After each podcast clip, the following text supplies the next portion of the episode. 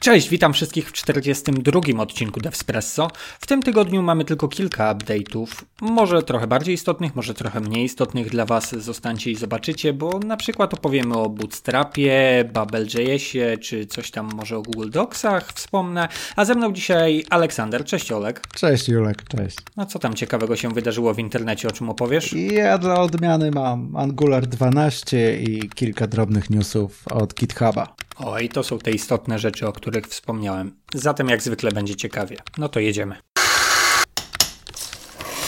Devspresso. Newsy przedstawi dzisiaj Julek. I Olek. W tym tygodniu zaczynamy od informacji na temat Bootstrapa. Bootstrap oficjalnie wyszedł z wersją 5 z alfy. E, Jak sami się chwalą, mieli trzy alfy, trzy bety, mnóstwo przepisywania i poprawiania. Blog, wpis na blogu jest e, bardzo obszerny, bardzo dużo zmian, usprawnień. e, Wprowadzili na przykład right to left, wsparcie, gridy, jakieś new file inputy. Naprawdę mnóstwo, mnóstwo zmian. I ja myślę, że, że super. Takie, takie frameworki są bardzo przydatne. Duże, rozbudowane, stabilne rzeczy zajmujące się obsługą Twojego CSS-a w projekcie. Jak na szybko coś piszesz, czy, czy nawet nie, to jest całkiem spoko rozwiązanie. Jedna rzecz, słuchaj, tylko mnie troszkę mnie zasmuciła, bo to jest duża zmiana wyjście z wersją 5 w ogólności, prawda? Bo... I oni jeszcze na dodatek tutaj już podkreślają ostro, że pozbyli się jQuery całkowicie i że jest to mocna zmiana w, w tym, jak mają JavaScript skonstruowany. Super. Wspominaliśmy o tym już jakiś czas temu, jak weszli do, do bety z tą wersją. A tutaj pierwsza rzecz, którą dostaję na wpisie na blogu getbootstrap.com. Pierwsza rzecz, o której piszą stary. New logo. To są priorytety, to cenimy. Nowe logo. No to było dla mnie takie jakby. No okej. Ale czekaj, czekaj, czekaj, czekaj, gdzieś trafiłem. Mozilla również dla swojego, swojego kora wydała w końcu logo po chyba 10 latach. Dla silnika Monkey, Spider Monkey. Monkey. Dla silnika, dla Tak, Spider Monkey, tak. tak. także logo obecnie, jak zapewne pamiętasz, Xiaomi też zmieniło logo, także to jest obecnie priorytet Tak. dla wszystkich. Tak. Logo nowe. Rzeczywiście. Może i my powinniśmy coś zrobić. Kurczę, Wiesz. może pora trochę mm, zrefreshować naszą szatę graficzną. To prawda. No, w każdym razie, jeżeli chodzi o Bootstrapa, to mnóstwo, mnóstwo zmian, mnóstwo update'ów. Chwalą się tym w bardzo dobrym wpisie na blogu opisującym wszystkie zmiany i co będzie potrzebne, żeby kontynuować pracę z Bootstrapem, przechodząc z czwórki na piątkę. Więc jeżeli ktoś używa, to e, z pewnością mu się to przyda. No i to tyle mogę w temacie tej, tego update'u powiedzieć. Myślę, że interesujące. Dla tych, co używają, oczywiście. I lubią podziwiać logotypy. Szanujemy. E, z mojej strony, to może ja. Wyszedł Angular 12. I oui, oui. I lista zmian jest długa. Mhm. Jak znalazłem, nawet nie zaglądając na GitHuba, na InfoWorldzie notatkę, 28 sztuk gość wymienił. Warto rzucić okiem, w szczególności jak ktoś mocno używa, bądź planuje dodawać to, bo troszkę się pozmieniało. Production Ready Webpack 5 wszedł. Mhm. On już chyba był w w wcześniejszej wersji, nie? Experimental był A. w 11. Okej, Teraz okej. jest już production ready. Świetnie. TypeScript 4.2 doszedł. Poprawiono wsparcie dla Tailwinda, dla inline Sasa. e, Deprecjacja i koniec wsparcia dla Explorera 11. Okej, no to w końcu, w końcu kolejny duży framework autuje jedenastkę na dobre. Świetnie. Kolejni tak kończą z tym wsparciem, więc kto jeszcze nie zaczął się przepisywać, już dawno powinien to zrobić. No, to strasznie dużo narzutu daje, żeby wspierać tą jedną konkretną Dokładnie. przeglądarkę czasami, no nie? Więc to super. A od strony developmentu też jest to problematyczne, więc fajnie, Żeby że tylko. Mniej. No.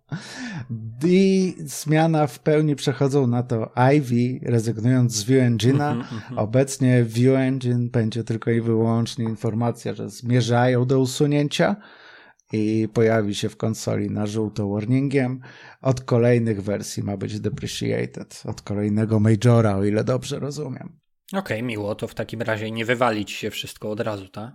No, tak, dają ci czas, dają ci czas, choć należy mieć to już na uwadze i zacząć się z tym liczyć, jak, jak ktoś podbija wersję i kontynuuje swój projekt angularowy. Tak jak mówię, tych zmian wyszło bardzo dużo, są drobniejsze, istotniejsze, naturalnie zależy kto z czym ma problemy i w którym punkcie bardziej cierpiał. Polecam zajrzeć do, do artykułów zamieszczonych u nas w linkach to już da pewien obraz. No ja myślę, że mm, wszyscy autorzy książek o Angularze upgrade'ują właśnie swoje teksty. No, wszystkie Za dużo zmian jest, żeby móc to robić. Dobra, okej. Okay. Um, Nie jest to hop tu jesteśmy zgodni. To w tym tygodniu rzeczywiście mamy zmianę w dużym frameworku frontendowym. Świetnie.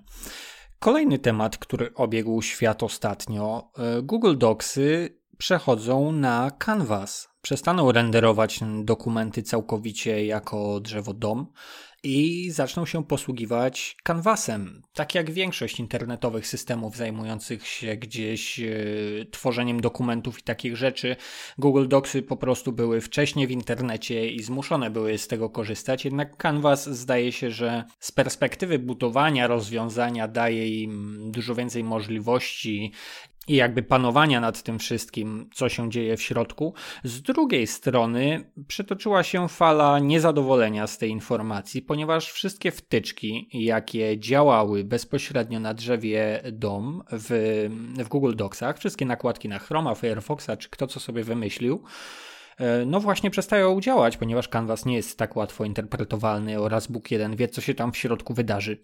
Ja osobiście zastanawiam się też nad wsparciem accessibility. To jest trudne, żeby accessibility dobrze ogarnąć y, w Canvasie i, i ciekaw jestem, czy i jak to będą robić. No ale Clue jest takie, że Google Docs informuje, że powoli robi rollout i wtyczki i różne rozwiązania związane z dotychczasowym używaniem Google Docsa będą zmieniane albo będą autowane. Jest to dla mnie trochę zaskakujące. Wydawałoby się, że, że konstrukcja drzewa dom jest prostszym rozwiązaniem od Canvasa, a jednak idzie się w Canvas dla dokumentów. No, to prawda. E, ja też jestem zaskoczony tym, że ta informacja tak późno świat obiega, bo jak na przykład znajoma mi doniosła ich Google Docsy i jedna wtyczka, którą firmowo utrzymują i wydali, właśnie będzie zupełnie zbyteczna e, i zupełnie nie będzie działać i do niczego się nadawać, e, więc ciekawe jak dalej będą w firmie przerzucającej, przerzucającej dużą ilość dokumentów pracować po prostu na Google Workspace. Więc e, to też z pewnością przysparza ludziom dużo kłopotu, dlatego też pozwoliłem sobie wspomnieć o tym wszystkim na DevSpresso. Ciekaw jestem, kiedy mnie dotknie ten problem, bo na obecną chwilę go jeszcze nie do końca rozumiem. No tak, też bym to tak określił. Jednak ja o tym mówię właśnie dlatego, że już słyszałem, że będą kłopoty. Będą. Trochę informacji z GitHuba. Dawno nic nie było. To nasz ulubieniec nasz ulubieniec, odkąd w rękach Microsoftu co chwila coś wychodzi i teraz pojawiły się nowe możliwości. Drobne, bo drobne, ale może interesujące. GitHub daje możliwość załączenia wideo innymi do puszy w końcu w formacie MP4 MOV wychodzi z bety, będzie dostępny, będziemy mogli już załączać wideo do bugów, errorów. Jak ktoś korzysta mocniej z GitHuba i całe repozytorium tam ma firmowe, to daje to dodatkowe możliwości. Ej, oryginalnie jak przeczytałem, co napisałeś, że to wideo będą udostępniać do, do, do komitów, puszy i że w ogóle będzie można publikować wideo jako takie w odpowiedziach, to myślałem, ej, świetne, będę mógł pokazać fragment, y, który nie działa, fragment kodu albo jakoś uruchomiony branch lokalnie i pokazać, co mi się nie podoba w efekcie dostarczonego rozwiązania. A teraz sobie myślę, że to rozwiązanie z wideo będzie pozwalało na kłócenie i obrażanie się przy pomocy formatu wideo w konwersacjach w issuesach na GitHubie, więc jestem totalnie za. Tak, tak, tak, tak. Już nie tylko GIFy i JPEGi, już również wideo będziemy mogli sobie wrzucać. Tak, tak rewelacja. I, I jak sami piszą, daje to dodatkowe możliwości komunikacji i ma ułatwić komunikację. Widzę całe spektrum możliwości. Tak, tak, są opcje. Inna ciekawostka również jest wpis. E, poprawiono aplikację mobilną i między innymi zwróciłem uwagę na tekst w artykule, że zbudowali fajną aplikację, która jest odtwarzana w trakcie merge'a, co ma sprawić, że proces merge'a będzie bardziej satysfakcjonujący. No aż jestem ciekaw aplikacji do GitHuba. Nie używałem, ale chyba zacznę. Weszły drobne zmiany w zakresie widoku do code review i możliwości dokonywania go. Także ma być ładniej i przyjemniej. No, mam nadzieję, bo trzeba przyznać, że obecnie GitHubowy proces code review jak dla mnie trochę kuleje w porównaniu z Bitbucketem może nawet z GitLabem, szczerze mówiąc, te funkcjonalności, funkcjonalności dostarczane przez te rozwiązania nie są sobie równorzędne i jest ewidentna wyższość nie-GitHubowych rozwiązań nad GitHubem nadal. No, czasem tak, a czasem jednak kwestia twojego przyzwyczajenia. Sam wiesz, że bardzo się przyzwyczajamy i, i komfort pracy, jak ktoś robił od zawsze na GitHubie, to jest bardzo szczęśliwy. No tylko, że tutaj obawiam się, że nie dostrzeżesz wielkiego postępu, bo to bardziej na mobilu ma poprawić widoczność, a nie to, co robisz desktopowo. No dobra, ale to można mieć nadzieję, że w następnym rzucie może poprawią desktopy. Musisz napisać do zespołu UX-UI i zaproponować rozwiązania. O, czemu by nie. Okej, okay, i ostatnia rzecz, którą ja mam w tym tygodniu, mm, to jest trochę ciekawostka, to Odnosi się do kwestii, które podawaliśmy w zeszłym tygodniu z, z Aleksandrem Rakucka na temat Rome Tools, które założyło firmę i zebrali tam 4,5 miliona dolków. Wcześniej wspominaliśmy o Deno Company zakładanym. Oni też zebrali jakoś 4,5-5 milionów dolków. I teraz Bubble.js odezwał się, że jeżeli chodzi o ich zbieranie dolków, to trochę przestaje im to działać że tak to ujmę, i bardzo grzecznie poprosili w długim opisowym wpisie na blogu, że miło by było, gdyby ludzie jednak czasem coś wrzucili. Są fully open source, to jest tylko kilku deweloperów, którzy tym miotą i ogarniają, są w pełni przezroczyści, jeżeli chodzi o dostarczanie informacji na temat tego, na co wydają pieniądze, jakie są ich stawki, zarobki i jakim to działa. Mm, no i rzeczywiście, jeżeli zerknąć na ich GitHub sponsor, gdzie mają cel 12 koła dolków miesięcznie, są na poziomie 13%, a jak zerknąć na drugie źródło, z którego się utrzymują Open Collective, to wskazuje to jasno, że w cztery osoby za 6000 dolków na miesiąc to ledwo zepnął w ciągu roku koniec z końcem. I, I, bardzo długie, obszerne opracowanie na temat tego, jak to działało, jak to działa, a teraz im po prostu nie działa i jest to dla nich dostatecznie duży problem, żeby wyjść z oficjalnym wpisem na swoim blogu i poprosić o hajs. Więc jeżeli wasza firma nie jest zaangażowana w takie działania, może warto się zainteresować. 10 dolków w te czy we w te to może nie jest dużo, a będziecie na liście, na liście osób, które rzuciły parę dolarów dla Babela. No halo. Prywatnie oczywiście też można ich wspierać, każda suma jest e, w porządku, a nawet jeżeli nie Babela, to może warto po prostu się rozejrzeć, jakie open source'owe projekty wykorzystywane są na co dzień bardzo obszernie w waszym środowisku, w waszym projekcie, w pracy i może warto pomyśleć, czy nie można by zrzucić na nich dolara czy dwóch, bo szczerze z tego, co napisał Babel, nie wiem, czy ty, Olek, patrzyłeś, ale no, no smutno trochę, że tak poważne narzędzie, wykorzystywane tak bardzo wszędzie w świecie JavaScriptu, niemalże wszędzie, e, no, że będzie niedofinansowane i że będzie miało problemy chociażby z tymi no, paroma dolkami miesięcznie dla swoich deweloperów, prawda? Jest to interesujące, bo generalnie zagadnieniem sponsorowania open source'ów wydaje mi się, że mało uwagi poświęcamy. Tak? Jest bardzo wiele narzędzi, z których korzystamy, za które nie płacimy, które są utrzymywane, rozwijane przez community, jak to się mówi bardzo szeroko, ale są zespoły dedykowane, nadrzędne, które faktycznie robią w strukturze, dostarczają core, czy tak jak tutaj, ile? Trzy, cztery osoby pracują nad Babelem? Cztery, cztery. Jako stricte stricte zespół. Mhm. Tak. I, I o pieniądzach i skąd one się tam biorą i dlaczego powinny tam być, mało się mówi. Tak? I faktycznie wraz, wraz z rozwojem należałoby chyba jednak zacząć kogoś sponsorować, bo to staje się również trochę odpowiedzialnością community. Jeżeli nie dostarczają, a korzystają, to należałoby się zastanowić, czy jednak nie zdotować choćby drobną kwotą jednorazową. Dokładnie. Całe nasze projekty stawiamy na rozwiązaniach open source'owych, które ktoś gdzieś dostarcza i coraz więcej osób próbuje zarabiać prawdziwe, prawdziwe pieniądze, albo jakiekolwiek pieniądze związane z tym, że inwestują tyle czasu w budowanie rozwiązań open source'owych, albo że udostępnili swoje rozwiązania. No i popularne są inwestycje ze strony dużych firm na jakimś tam poziomie, ale nie oczekujmy, że to będą grube dziesiątki tysięcy dolarów na każdą paczkę, bo Babela na przykład sponsoruje Gatsby, Discord, Google się dorzuca i wielu, wielu innych, Vercel jak widzę. Także są te duże tytuły.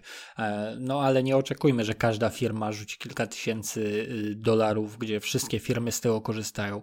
Widać, że są firmy, które ewidentnie inwestują i czują się odpowiedzialne za wykorzystywanie rozwiązań. Ich znaczki pojawiają się przy większości dużych paczek po prostu, które widzimy, a, a są firmy, które nad tym nie pracują i nie działają w tym temacie. Może i wasza firma by mogła, no przemyślcie, czy was by to w ogóle interesowało w sumie, prawda?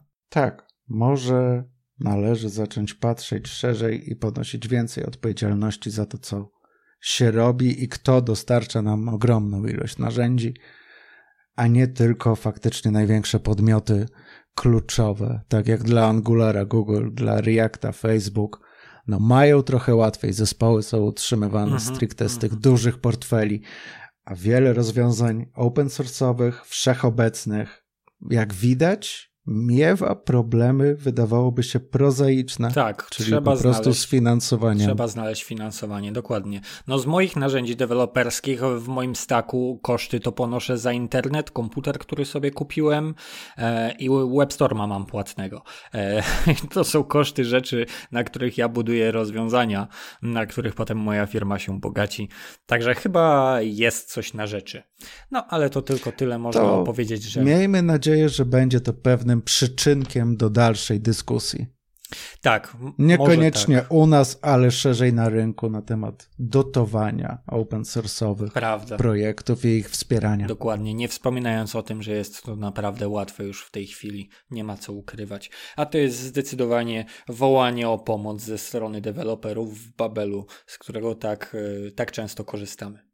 Ok, z mojej strony w tym tygodniu nie wygrzebałem nic więcej, czym mógłbym chcieć się podzielić z naszymi drogimi słuchaczami. Czy ty może masz jeszcze jakieś informacje, Olek? Niestety wydaje mi się, że świat nie był łaskawy w tym tygodniu. To wszystko. Tak, zdecydowanie, zdecydowanie. Mamy już połowę maja, zaczynamy powolutku sezon ogórkowy, jeżeli chodzi o wydawanie dużych rzeczy, o update. Ogórkowy jak ogórkowy, czas na jakiś urlop i wakacje. Tak, zdecydowanie tak. My w Devspresso również myślimy o przerwie wakacyjnej, zobaczymy jak wyjdzie, o wszystkim poinformujemy.